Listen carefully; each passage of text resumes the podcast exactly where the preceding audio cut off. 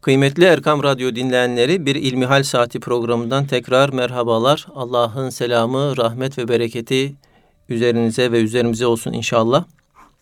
Ben Deniz Basri Çalışkan, pek muhterem hocam Doktor Ahmet Hamdi Yıldırım'la birlikte bize ulaşan soruları kendisine tevcih edeceğiz muhterem hocamıza ve kendisinden cevapları e, alacağız inşallah.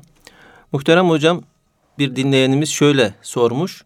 Ramazan'ın ilk haftasından sonra İstanbul'da İstanbul sokaklarında yeme içme başladı. Geçen yıllarda da tabii böyle oluyordu. Dinimizde emri bil maruf nehy anil münker diye bir şey var. Bu görevi kimler yapmalıdır? Ee, nasıl yapılır? diye sormuş. Evet, elhamdülillahi rabbil alemin ve salatu ve selamu ala Resulina Muhammedin ve ala alihi ve sahbihi ecmain. Ramazan-ı Şerif ayı bütün Müslümanların oruçla, ibadetle ve maneviyat yoğun olarak geçirdikleri bir ay olması münasebetiyle şeytanların bağlandığı, rahmet kapılarının açıldığı, fakirle, yoksulla hemhal olunması gereken bir ay. Bu ayda elbette bütün Müslümanların oruçlu oldukları gibi Müslüman olmayanların da Müslümanların bu ibadetine karşı saygılı olmaları beklenir. Müslüman olup da Ramazan-ı Şerif ayında oruç tutmamak özürsüz olarak geçerli bir mazereti olmaksızın oruç tutmamak mümkün değildir. Yani bütün Müslümanlar oruçla mükellef olan, oruç tutması gereken Müslümanlar bu Ramazan-ı Şerif ayında oruç tutarlar. Dolayısıyla bir takım yerlerde görülen Ramazan-ı Şerif ayında oruç tutmayan kimseler genelde Taksim civarında turistlerin olduğu, gayrimüslimlerin yaşadığı, Müslüman olmayan ahalinin bulunduğu yerlerdir. Yoksa Müslüman olan bir kimsenin Ramazan-ı Şerif'te gündüz alenen oruç tutmuyor olması çok ciddi imani bir tehlike arz eder. Bakın ibadetlerin bir ibadet olma cihetiyle anlamları vardır. Bir de Cenab-ı Allah'ın dinine karşı irtibatımızla, ilişkimizle, mesafemizle ilgili anlamı vardır. Yani bir insan oruç tutmasa, oruç tutmadığı için dinden, imandan çıkmış olmaz. Fakat oruç tutmayı hafife alsa, oruç tutmayı basit görse, oruç tutanları boş yere sabahtan akşama kadar aç susuz kalıyorlar. Aptal herifler. Affedersiniz. Evet. Türünden bir karalamayla, yaftayla değerlendirse bu kimse Allah muhafaza etsin dinden, imandan çıkmış olur. Dolayısıyla Ramazan'da açık bir şekilde Müslüman olduğunu söylediği halde oruç tutmayan ve tutmadığını da deklare eden, ilan eden, gösteren bir kimseye öncelikle yapılması gereken şey onu İslam'a davet etmektir. Müslümanlığa çağırmaktır. Yoksa bu sıradan herhangi bir Müslümanın işlediği günah olarak tasnif edilebilecek bir husus değildir. Elbette emri bil maruf nehyanil münker bütün iyilikleri emretmeyi bütün kötülükleri yasaklamayı barındırmaktadır. Dolayısıyla iyiliklerin, hayrın başında da Müslümanlık gelir. Müslümanlığı bütün dünyaya yaymakla mükelleftir her bir Müslüman. Bu yönüyle Müslüman zaman zaman şöyle kendi muhasebesini yapmalı. Ben bir Müslüman olarak ne ifade ediyorum? Kendime ne ifade ediyorum? Aileme ne ifade ediyorum? Yaşadığım apartmana ne ifade ediyorum? Bir Müslüman olarak yaşadığım apartmana ne katıyorum? Yaşadığım şehre ne katıyorum? Yaşadığım dünyaya ne değer katıyorum? Bunun hesabını, kitabını yapmalı bir Müslüman. Bir Müslüman olarak Ramazan-ı Şerif ayında Ramazan-ı Şerif'e ne katkı sağlıyorum? Bunun hesabını yapmalı. Emri bil maruf öncelikle kişinin emredeceği iyiliği kendi bünyesinde canlandırması, muşahhas hale getirmesiyle başlar. Yani iyiliğin, hayrın canlı tanığı olmak gerekir.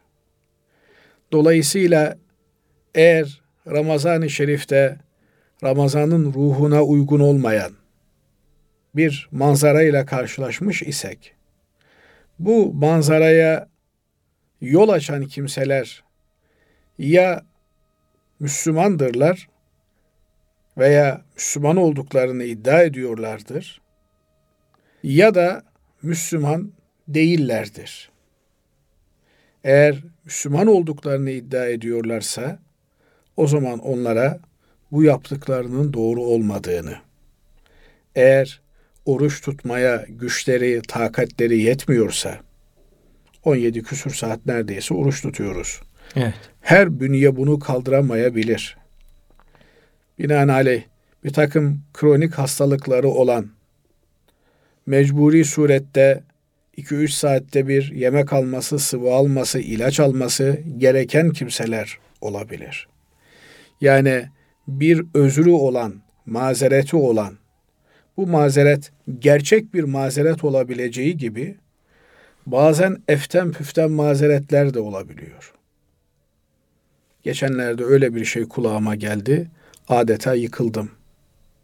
Müslüman hanımefendi davet edeceği zaman kolu komşuyu iftara o gün oruç tutmuyormuş. Mazereti olmadığı halde mazereti işte kolu komşuyu iftara davet ediyoruz. Ateşin başında yemek pişirmek zor.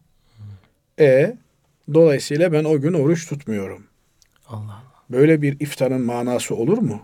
Evet. Allah'a isyan ederek, Allah'ın emrini hiçe sayarak, Ramazan-ı Şerif ayında vazifemiz oruç tutmak. Ramazan-ı Şerif ayının ibadeti oruç.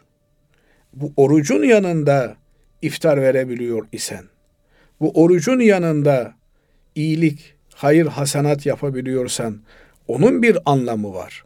Yoksa ben oruç tutmayayım ama insanlara iftar yemeği hazırlayayım. Böyle bir mantık yok. Maalesef bunun zaman zaman yer yer yaşandığını görüyoruz. Efendim büyük iftarlar veriliyor. Çorbalar, kazanlar kaynıyor. Ama aşçılarımız oruç tutmuyor. Neymiş efendim? Binlerce kişiye oruçlu bir şekilde yemek hazırlamak mümkün değilmiş. Hazırlama efendim. Çorba içeceklerine bir dilim ekmekle iftarlarını yapsınlar. Bir hurma ile iftarlarını yapsınlar. Çorbaya şuna buna onca para harcanacağına paketlerle efendim bir paket süt, bir tane muz bununla iftar verilsin.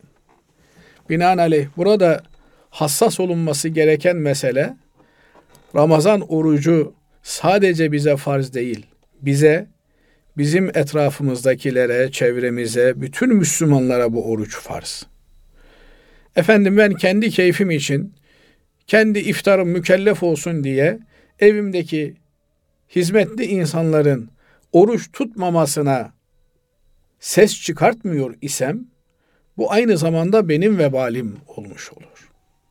Eğer o insanlar hakikaten yoruluyor, hem yemek pişirmek, yemek hazırlamak, hem oruç tutmak çok ağır geliyorsa o zaman efendim Ramazan-ı Şerif ayında senin ibadetinin bir parçası da iftarları hafiflet. Sen de o hizmetli insanlarla beraber mutfağa gir. Sen de iki tane zeytin, üç tane peynir dilimi tabağa koymak için seferber ol. Dolayısıyla orucu beraber tutup iftarı beraber yapmanın, Ramazan'ı beraber yaşamanın ibadet aşkına ve şevkine ermenin Ramazan'ın ruhuna kavuşmanın anlamını hep beraber idrak edelim. Yoksa bir kişi oruç tutacak diye bütün millet seferber olsun, oruç tutmasın. Veya bir yerde iftar çadırı kuracağız diye onlarca insan oruçsuz kalsın. Bunun bir anlamı yok. Dolayısıyla eğer biri Müslüman olduğunu söylüyor ve buna rağmen oruç tutmuyor ise o zaman hakikaten o insanımızla ilgilenmemiz gerekiyor. Yani sen niye oruç tutmuyorsun? Efendim işte ben oruç tutanlara hizmet ediyorum, yardım ediyorum. Ve bu da bir ibadet. Oruç tuttuğum zaman bunu yapamayacağım. Hayır. Senin öncelikli vazifen Ramazan-ı Şerif ayının ibadeti olan orucu tutmak. Bu oruçla beraber bu hizmetleri yapabiliyorsan yap. Yapamıyorsan o zaman bırak. Burada bu noktayı hatırlatmak istiyorum. Yani hepimiz etrafımızdaki çoluğumuzdan çocuğumuzdan başlayarak çalıştırdığımız bireylere, insanlara, bütün katmanlardaki fertlere teker teker inerek Ramazan-ı Şerif'te oruçla münasebetlerini sormamız, iş düzenini ona göre ayarlamamız, işleri yavaşlatmamız, hafifletmemiz, Ramazan'ın temposuna uygun hale getirmemiz bu Ramazan-ı Şerif ibadetinin bir parçası olarak değerlendirilmeli. Eğer bir kimse Müslüman olmadığından dolayı oruç tutmuyorsa elbette Müslüman olmayanın oruç tutmasının da bir anlamı yok. Çünkü oruç Müslümana farzdır. Müslüman olmayan bir kimsenin oruç tutması ona bir şey kazandırmaz. Öncelikli olarak iman şartı aranır. İmanı da tebliğ etmemiz, insanlara Müslümanlığı sevdirmemiz hepimizin vazifesidir. Ama en azından bu insanlıkta kardeşimiz olan kimselere Ramazan-ı Şerif'te Müslümanların duygularını yıpratmamaları adına olabildiğince saklı ve gizli olarak eğer yemek yiyorlar, su içiyorlarsa bunu yapmalarını tavsiye ederiz. Böylelikle bir toplum olarak Ramazan'ın ruhaniyetini idrak ederek tatlı bir Ramazan geçirmiş oluruz. Nitekim Osmanlı'da da kimseye zorla oruç tutturulmuyordu. Ama bütün gayrimüslim unsurlar Ramazan-ı Şerif ayı girdiğinde Müslümanlara hürmeten aleni olarak, aşikar olarak yeme içme faaliyetinde bulunmuyorlardı. Ama bugün Müslüman olduğunu söyleyen kimse Müslümana karşı bu saygıyı, bu ihtiramı göstermeyince gayrimüslim unsurlardan bunu beklemek de beyhude bir çaba olmuş oluyor. Öncelikli olarak Ramazan'da zaten çirkin olan, zaten kötü bir alışkanlık olan sigarayı herkesin bırakması gerekiyor. Bakıyorsunuz eline almış sigarayı adeta böyle meydan okurcasına sokaklarda volta atıyor. Duraklarda sigara çekiyor. Yani bunun hassasiyetle takip edilmesi de gerekiyor. Bir kanun ile toplu alanlarda sigara içilmesi, kapalı alanlarda sigara içilmesi yasaklandı. Ne kadar iyi oldu, ne kadar güzel oldu. Aynı şekilde insanların mecburen bir arada bulundukları mekanlarda da bu sigara yasağının titizlikle uygulanması lazım. Yani otobüs durağında ya otobüse binmek üzere insanlar koşturuyorlar. Biri de elinde sigarayla onların içeri külü kimin üzerine düşmüş, kimi yakmış umurunda değil. Evet. Bu herifin. Dolayısıyla bunların da takip edilmesi gerekiyor. Ve bu kimselere karşı yumuşak bir üslubun kullanılması icap ediyor. Niye? Çünkü emri bin maruf, nehy anil münkerin temel hedefi üzüm yemektir. Bağcıyı dövmek değildir.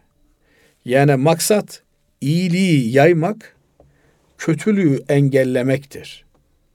Eğer üslubumuzda bir problem olursa o zaman biz iyiliği yayma, kötülüğü engelleme görevini yaptığımızı zannederiz ama aksi bir netice ortaya çıkar.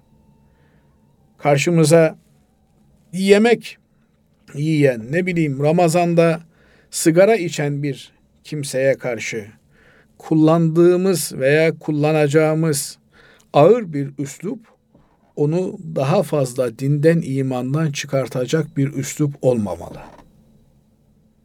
Yani mesela sigara içen birine ya Müslüman değil misin niye sigara içiyorsun diye çıkışmak Allah muhafaza etsin. Değilim kardeşim sana ne diye bir tepkiyi beraberinde getirirse adamın dinden imandan çıkmasına biz sebebiyet vermiş oluruz. Yani dolayısıyla bu işler mütehassısların, uzman kişilerin üstesinden gelebileceği işler olduğundan dolayı açık kalp ameliyatı yapılacak hastaya ya ben de işte e, doktorlarla beraber bulundum ben de bunu yaparım diye bir insanın atılması ne kadar yanlışsa tebliğ hususunda da eğitim almamış, emir bil maruf nehyanil münker hususunda herhangi bir kurs almamış bir kimsenin de bu işlere teşebbüs etmesi Allah muhafaza etsin çok daha vahim yaralar açabilir. Bu da gösteriyor ki demek ki her Müslümanın emri bil maruf ve nehyanil münker hususunda bir eğitim alması gerekiyor. Binaenaleyh böyle sigara içen birini gördüğümüzde kardeşim elbette bir mazeretiniz vardır. Ondan dolayı oruç tutmuyorsunuzdur. Ama sigarayı da böyle aleni içmezseniz insanlar sizinle ilgili yanlış yargıda bulunmazlar. Onların da durduk yere günaha girmesine sebebiyet vermemiş olursunuz diyerek belki biraz daha yumuşatarak bu vazifeyi yerine getirmek. Yoksa bir Müslümanın mazereti olmaksızın sigara içmesi nasıl tasavvur edilebilir Ramazan'ın gündüzünde? Binaenaleyh burada yaklaşım tarzı siz elbette bir mazeretinizden sebep oruç tutamıyorsunuz. Hastalığınız vardır. Bir probleminiz vardır vesaire filan. Ama insanların sizin hakkınızda suizanda bulunmasını da önlemeniz lazım. İnsanlar yanlış anlarlar. Bakın Ramazan mübarek ay. Ramazan-ı Şerifi hiç itibara almamış, dikkate almamış diye düşünürler. Allah muhafaza etsin. Eğer içecekseniz bari gizli bir yerde içseniz, kendinizi saklayarak içseniz diye tavsiye etmek, doğruyu söylemek lazım. Buradaki altın kural emri bil maruf nehyanil münkerle ilgili. Eğer sözünüzün tesir edeceğine inanıyorsanız, söylediğiniz iyiliğin siz söyledikten sonra yerine getirileceğini, yasaklayacağınız, engel olacağınız kötülüğün sizin müdahalenizle ortadan kalkacağına dair inancınız varsa emri bil marufu yerine getirmeniz, nehyanil münkeri uygulamanız sizin üzerinize farz hale gelir. Yani biliyorsunuz ki bir yanlış yapıyor karşınızdaki kişi. Yapma dediğinizde yapmayacak. Ona yapma deme mecburiyetiniz var. Bu sizin üzerinize farz hale gelir. Ya ben ona yapma dersem acaba şöyle mi olur, böyle mi olur, şöyle mi anlar, böyle mi anlar? Hayır. Nasıl anlarsa anlasın. Eğer sizin sözünüz ona tesir ediyor ise onun iyiliği yapmasına, kötülükten kaçmasına aracı olacak iseniz bunu yerine getirmeniz lazım. Şayet mütereddit iseniz, emri bil maruf ve nehyanil münker vazifesini yerine getirdiğinizde karşınızdaki kişi tarafından bunun dikkate alınıp alınmayacağı hususunda endişeniz varsa, tereddütünüz varsa veya söylesem de fayda etmez ama daha da beter olmaz. En azından ben üzerimden bu yükümlülüğü atmış olurum diye düşünüyor iseniz o zaman üslubu ile tatlı bir şekilde iyiliği emretmeniz, kötülükten sakındırmanız gerekir.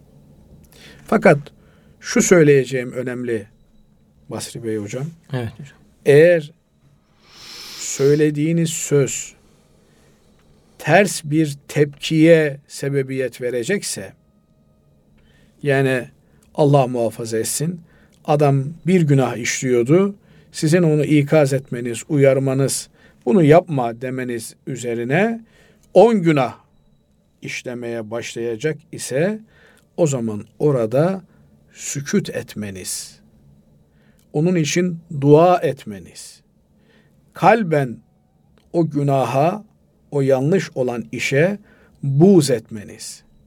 Bakın yanlış olan işe, günaha kin ve nefret besleyeceğiz.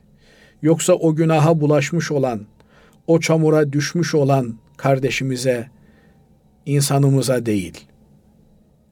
Binaenaleyh burada bu ayrımı çok iyi yapmamız gerekiyor. Eğer günaha olan nefretimiz, günaha olan tepkimiz günahkara taşarsa o zaman hadisi şerifte Efendimiz Aleyhisselatü Vesselam'ın bizleri yasakladığı tehlikeyle karşı karşıya kalmışız demektir. Efendimiz buyuruyor ki kardeşinize karşı şeytana yardım etmeyin.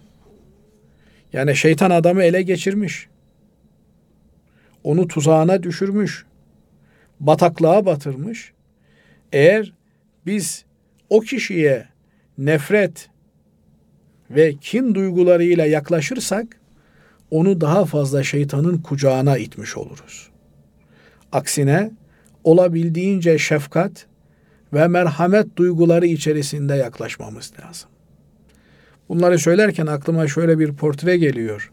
İşte bir kuş petrol e, atıklarının içerisine düşmüş, ayakları evet. saplanmış, oradan kurtulmaya çalışıyor. Bu kuşu nasıl kurtarırsınız? Olabildiğince merhametle yaklaşırsınız. Ayaklarını teker teker pamukla temizlersiniz. Şimdi siz o manzaraya karşı bir tepki verirsiniz. Ama o masum zavallı hayvancağıza karşı tepkinizi yöneltmezsiniz. Günaha bulanmış olan, batmış olan bir insan da böyledir. Ona nefret değil, elbette düştüğü bataklığa, günaha karşı nefretimiz olacak.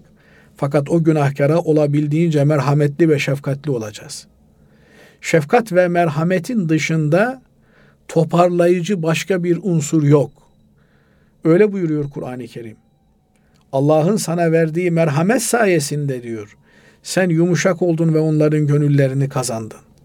Eğer kaba saba ağır konuşan biri olsaydın etrafında kimse kalmazdı diyor.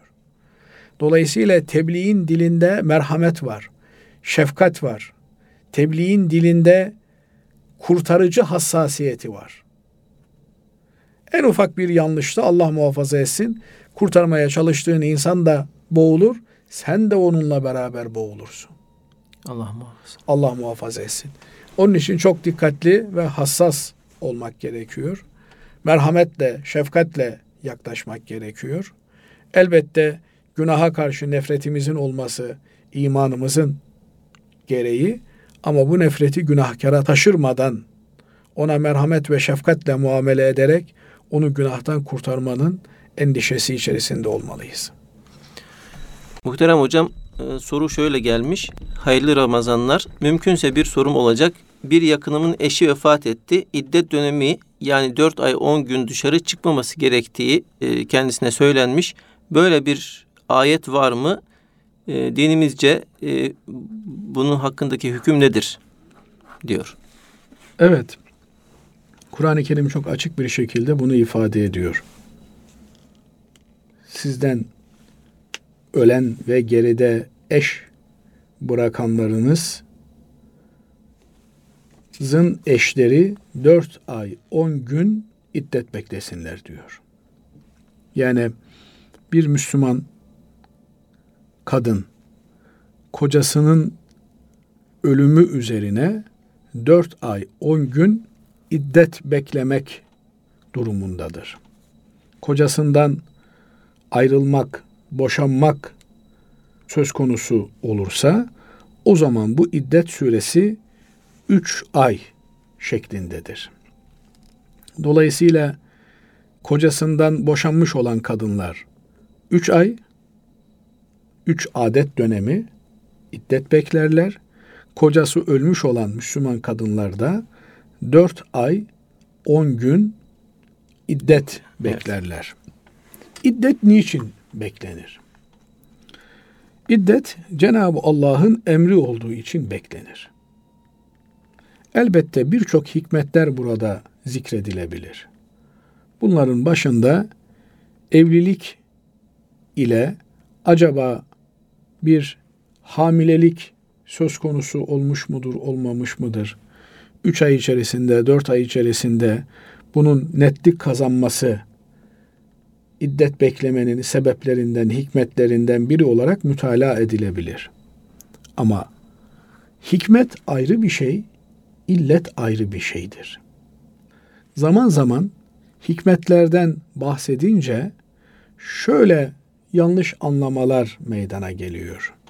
Mesela iddet beklemenin hikmeti boşanmış olan veya kocası ölmüş olan kadının hamile olup olmadığının belirlenmesi, dolayısıyla nesep karışıklığının olmaması türünden hikmeti vaz edilince, açıklanınca haklı olarak bir vatandaşımız diyor ki bugün artık diyor çok ileri düzeyde testlerle hamile olup olmadığı tespit edilebiliyor bir kadının. Yani bir kan alınıyor ve çok kısa bir süre içerisinde hamile olup olmadığı ortaya çıkıyor. Dolayısıyla niye bu kadıncağızı 3 ay tabiri caizse veya 4 ay 10 gün eğer kocası ölmüşse eve hapsediyoruz. Evet. Ama hikmet boyutu ile olayları değerlendirmemiz, tahlil etmemiz mümkün ise de işin hükme medar olan, hükmü doğuran kısmı illettir. İllette bir kadının kocası ölmüş ise isterse 90 yaşında olsun. Uzun bir ömür sürmüşler. 60 yıl beraber yaşamışlar. 80 yaşında amcamız vefat etmiş. Ninemiz hayatta. Bu kadın da 4 ay 10 gün iddet bekleyecek mi? Bekleyecek. 4 ay 10 gün iddet bekleyecek. Nedir Hocam iddet soruda beklemek? şöyle diyor araya girdim. Dışarı çıkmaması, evden dışarı çıkmaması diye bir e, şey var burada. Evet ben de onu şimdi söylüyordum. Hı, yani evet. iddet beklemek nedir? İddet sayı saymak demek.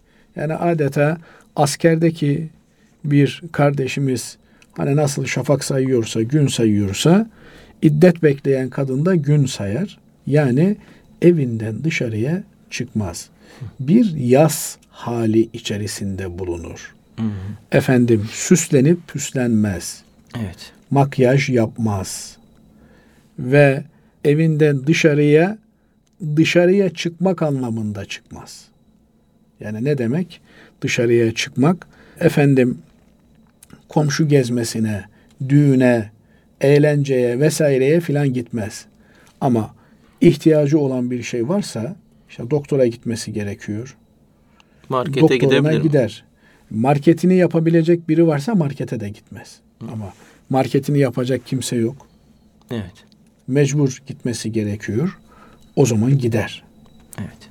Dolayısıyla zaruri olmayan, ihtiyaç olmayan durumlarda evden dışarıya çıkmaz. Bu dönem içerisinde kadın yeniden evlenmek ile ilgili hiçbir teşebbüste bulunmaz. Bu dönem içerisindeki kadına talip olunması da caiz değildir. Ayet-i kerime bunu çok açık ve net bir şekilde ifade ediyor. İddet bekleyen kadınlara evlenme teklifinde bulunmayınız diyor. Niye? O dört ay on gün veya işte boşanmışsa üç ay döneminde adeta kocasıyla geçirdiği o güzel günlerin, tatlı hatıraların bir muhasebesini yaşar ve o hatıralarının soğuması dönemi gerçekleşir. Böylelikle yeni bir evliliğe hazır hale gelir. Boşanmış kadın 3 ay sonra, kocası vefat etmiş olan kadın 4 ay 10 gün sonra 4 ay 10 gün sonra normal hayatına devam eder. Dışarıya çıkar. Evlilik öncesi durumuna tekrar geri döner. Ama bizim toplumumuzda maalesef pek bilinmiyor. Evet. Hemen cenazeyle beraber telaşların içerisine düşüyor. 2-3 ee, gün sonra çarşıda, pazarda görebiliyorsunuz. Halbuki e, dinimiz koca dışında vefat eden biri için üç günden fazla yas tutulmasını yasaklamış. Yani bir kadının babası ölmüş olsa üç gündür en fazla yas süresi. Yasın anlamı da ne? Yani süslenip püslenmez. O acısını yaşar. Üç gün. Üç gün sonra taziye süresi de geçer. Böylelikle hayat normale dönmüş olur. Ama kocası vefat etmişse bu süre dört ay on gündür. Kur'an-ı Kerim çok açık bir şekilde bunu ifade ediyor. Bu hükümleri vaz ediyor. Binaenaleyh bunu konuşmak gerekiyor. Bunu hanımların kendi aralarında konuşmaları, hatırlatmaları gerekiyor. Bu hassas hükümlerle ilgili birbirimize az önce de sözünü ettiğimiz emri bil maruf, nehy anil münker vazifemizi yapmamız gerekiyor. Niye? Burada çünkü birçok e, hanım kardeşimiz olayı bilmediğinden dolayı belki ilk duyduğunda tepki veriyor. Ama güzel bir şekilde üslubu dairesinde hatta Kur'an-ı Kerim'deki ilgili ayetlerin malini göstererek çünkü çok açık ayetler. وَالَّذ۪ينَ يُتَوَفَّوْنَ مِنْكُمْ وَيَذَرُونَ اَزْوَاجًا يَتَرَبَّصْنَ بِاَنْفُسِهِنَّ اَرْبَعَةَ اَشْهُرٍ وَعَشْرًا Evet. Sizden vefat edip geride hanım bırakanların hanımları dört ay on gün kendi kendilerine beklerler diyor. Bu dönem evliliğin haram olduğu, yasak olduğu, evlilik teşebbüsünün yasak olduğu bir dönemdir. Süslenmenin, püslenmenin, dışarıya arza endam ederek çıkmanın yasak olduğu bir dönemdir. Adeta bir yaz hali dönemidir. Bundan dolayı bu kardeşimize e, kocası vefat etmiş olan bir kadın dışarıya çıkmaz denilmiş. Doğru da denilmiş. Ancak zaruri ihtiyaçları için dışarıya çıkabilir. Başkası o ihtiyaçları göremiyorsa, kendi görmek durumundaysa kendi çıkabilir. Efendim dini sohbetlere gidecek. Sohbetlere gidebilir mi? Gidemez. Yani çok zaruri bir ilmihal bilgisini öğrenmek için başka bir yol yoksa gidebilir öğrenmek için. Ama bugün için onu da söyleyemeyiz. Telefonu var, şuyu var, buyu var. Dolayısıyla evinden dışarıya çıkmaz. Çalışan birisi hocam. Çalışan biri ise izin alır. Dolayısıyla bu e, dini yükümlülüğü yerine getirir. Evet. Evet. Sadece kadınlarda değil yani bir yönüyle erkeklerde de iddet vardır. Ee, onlarda da evlenme yasağı şeklinde tecelli eder. Dolayısıyla yani bu e, kadın için bir nakisa değil, aksine değerini ve şerefini ortaya koyan bir durumdur. Evet. Evet hocam. Ee, diğer bir dinleyenimizin sorusuna geçmek istiyorum.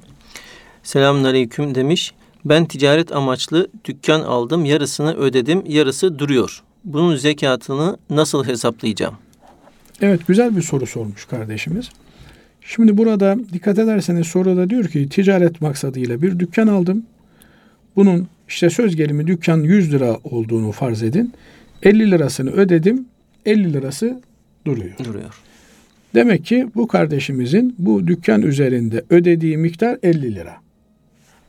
Yani 50 lirasına sahip bu dükkanın. Binaenaleyh zekat mükellefiyetinde zekat ödenecek mal üzerinde tam bir mülkiyet sahibi olması aranır. Yani benim malım var ama mahkeme haciz etmiş. O mal üzerinde tasarrufta bulunamıyorum. Bu durumda o malın zekatını ödeyecek miyim? Hayır. Çünkü zekatını ödeyebilmem için bir malın o mal üzerinde tam bir tasarruf yetkisine sahip olmam gerekiyor. Eğer ben o mal üzerinde alım satım yapamıyor isem o zaman onun üzerinde benim tam bir mülkiyetim söz konusu değildir. Bu durumda da 100 liralık bir dükkanın ticaret için almış dükkanı yani alacak satacak. Evet. Dolayısıyla 100 liranın 50 lirasını ödemiş 50 lirası kalmış ise borç olarak kalmış. Bu kardeşimiz sahip olduğu kısmın zekatını ödeyecek. Yani 50 lira. Yani 50 liranın zekatını ödeyecek veya şöyle diyeceğiz. Bu dükkan kaç lira? 100 lira. Ne kadar borcum var? 50 lira. E geriye kalan 50 liranın zekatını ödeyeceksin diyeceğiz.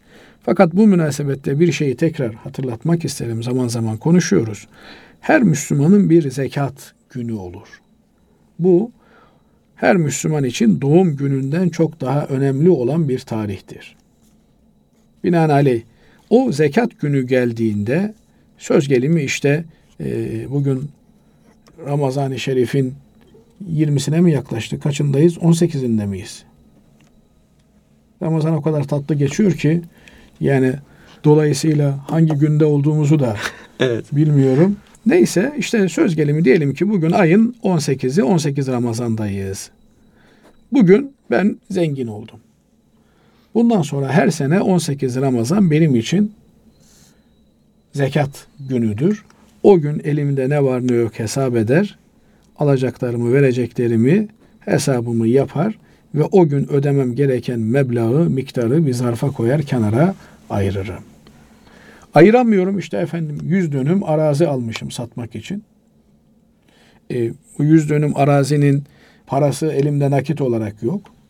O zaman ben ne yaparım? 1437 yılı için bu 100 dönüm arazinin yüzde iki buçuğuna tekabül eden iki buçuk dönümünü zekat olarak ayırırım. Çoluğuma çocuğuma da derim ki bakın bu 100 dönüm arazinin yüzde iki buçuğu zekat. Evet. Yarın öbür gün ben burayı sattığımda kaç liraya sattım? 100 liraya. Yüzde iki buçuğuna tekabül eden iki buçuk lira mı? O iki buçuk lirayı fakirin fukaranın hakkı olarak veririm. Dolayısıyla zekatla ilgili bir gün belirleme zarureti var. Yani benim zekat hesabını yaptığım gün, bugünün hicri bir gün olması ve değişmemesi gerekir. Çünkü bir gün önce mal varlığımızdan çıkanların, evet. bir gün önce mal varlığımıza girenlerin o zekat günü hesabının yapılması lazım. Binaenaleyh Cenab-ı Allah bu mübarek ayda verdiğimiz, vereceğimiz bütün sadakaların, zekatların, hayırların kendi rızasına uygun olmasını nasip etsin. Amin. Ve bizleri de verenlerden, vermekten zevk alanlardan eylesin. Amin. Allah razı olsun. Kıymetli Erkam Radyo dinleyenlerimiz programımız burada sona erdi. Hepinize hayırlı Ramazanlar dileriz. Bir sonraki hafta tekrar buluşmak dileğiyle.